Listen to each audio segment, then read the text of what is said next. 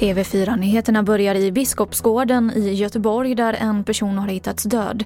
Polisen utreder det här som misstänkt mord eller dråp och platsen har spärrats av för teknisk undersökning.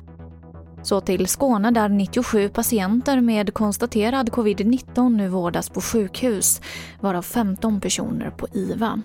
Och det här är det högsta totala antalet inlagda på sjukhus sedan pandemins utbrott i mars. Och jag avslutar med att berätta att idag höll statsminister Stefan Löfven en digital pressträff om presidentvalet i USA. Jag vill varmt gratulera den demokratiska kandidaten Joe Biden till att ha blivit vald till USAs president. Eh, lika varma gratulationer vill jag också framföra till senator Kamala Harris till att ha blivit den första kvinnliga, vald till den första kvinnliga vicepresidenten någonsin. Och det var det senaste från TV4 Nyheterna. Jag heter Emily Olsson.